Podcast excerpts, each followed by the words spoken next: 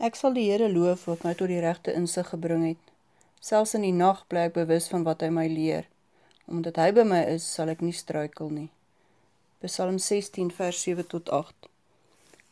Ons beleef almal soms nagte wanneer ons nie kan slaap nie. Wanneer ons uit bekommernis of opgekropte energie of wat ook al rondrol sonder om rus te vind. Dit is egter die ideale geleentheid om tyd naby aan jou Skepper te spandeer, sonder enige geraas of afleidings net jy en God. Praat met God wanneer jy nie kan slaap nie.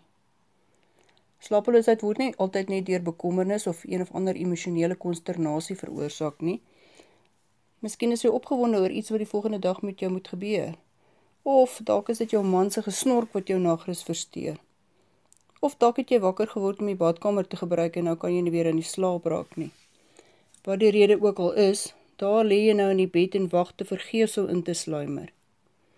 Jy kan die televisie aanskakel of aanlyn raad soek vir jou slapeloosheid, maar het jy al ooit daaraan gedink dat dit miskien God se manier is om iewers in jou besige dag 'n bietjie kwaliteit tyd met jou te kry? Hy wil met ons praat as ons stil en rustig is.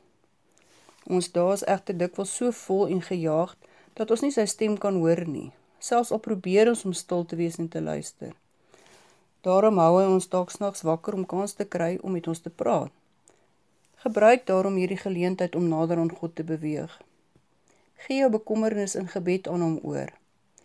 As jy lê en worstel met gedagtes en spanning oor die verlede of die toekoms, vra vir sy vertroosting, wysheid en genade om jou deur elke situasie te lei. 'n Sorglose nagrus is teken van God se genade. In Matteus 26 vers 37 tot 45 lees ons hoe Jesus self ook so 'n nagstryd moes deurmaak. Terwyl sy naaste vriende rustig geslaap het, het hy die angs en pyn van die hele mensdom gedra. Hy het die moeilikste en die donkerste van alle nagte verduur. Die God van die ganse hemel en aarde het al ons bekommernisse, vrese en die gevolge van ons sonde in die gesig gestaar. In hierdie eindelose slapelose nag het hy gekies om dit alles op hom te neem sodat ons die ewige lewe kan hê. Gebruik dan die rustelose oomblikke wanneer jy sukkel om te slaap om met dankbaarheid te dink oor die vryheid waarvoor hy gesterf het. Die vryheid wat Jesus beloof het wanneer hy sê: "Kom na my toe, almal wat uitgeput en oorlaai is, en ek sal julle rus gee." Hierdie woorde is lewend, aktief en kragtig. Dit is al wat vir ons ware vrede in hierdie lewe kan bring. Het sy in die helderheid van die dag of in die donkerste van die nag. Mag jy sy woord in hierdie intieme oomblikke nuut ervaar en mag dit jou soveel nader aan hom bring.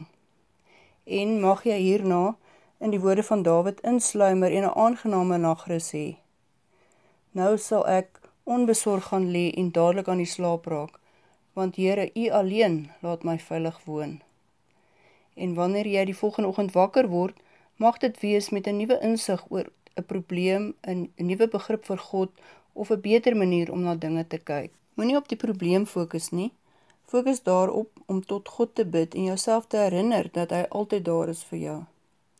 Gebruik wakker tye om na hom te luister. God gebruik dikwels die stil nagure om met ons te praat.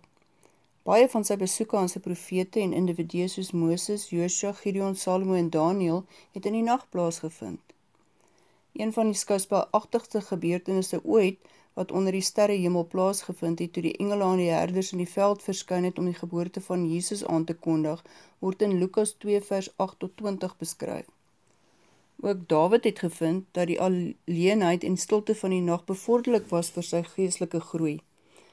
Hy het geleer om in daardie slapelose tye te verbly as oomblikke wanneer God hom sou raad gee en sy weë in sy hart bekend sou maak. Wanneer jy die volgende keer rusteloos lê en rondlol, probeer om soos Dawid aan God te dink en oor hom te mediteer. Onthou sy karakter en goedheid gedurende die nag, sodat jy dan in jou wakker wees tye oor sy woord kan nadink. Moenie tyd mors omdat jy nie kan slaap nie.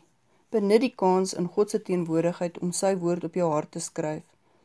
Vergeet jou frustrasie oor jou onderbroke rus en gebruik die tyd om God se woord te lees en te memoriseer. Loof hom vir sy getrouheid. Soms is die beste manier om die angstigheid wat jou snags oorval te beveg deur al die maniere waarop God in die verlede aan jou getrou was te onthou en om daarvoor te bedank.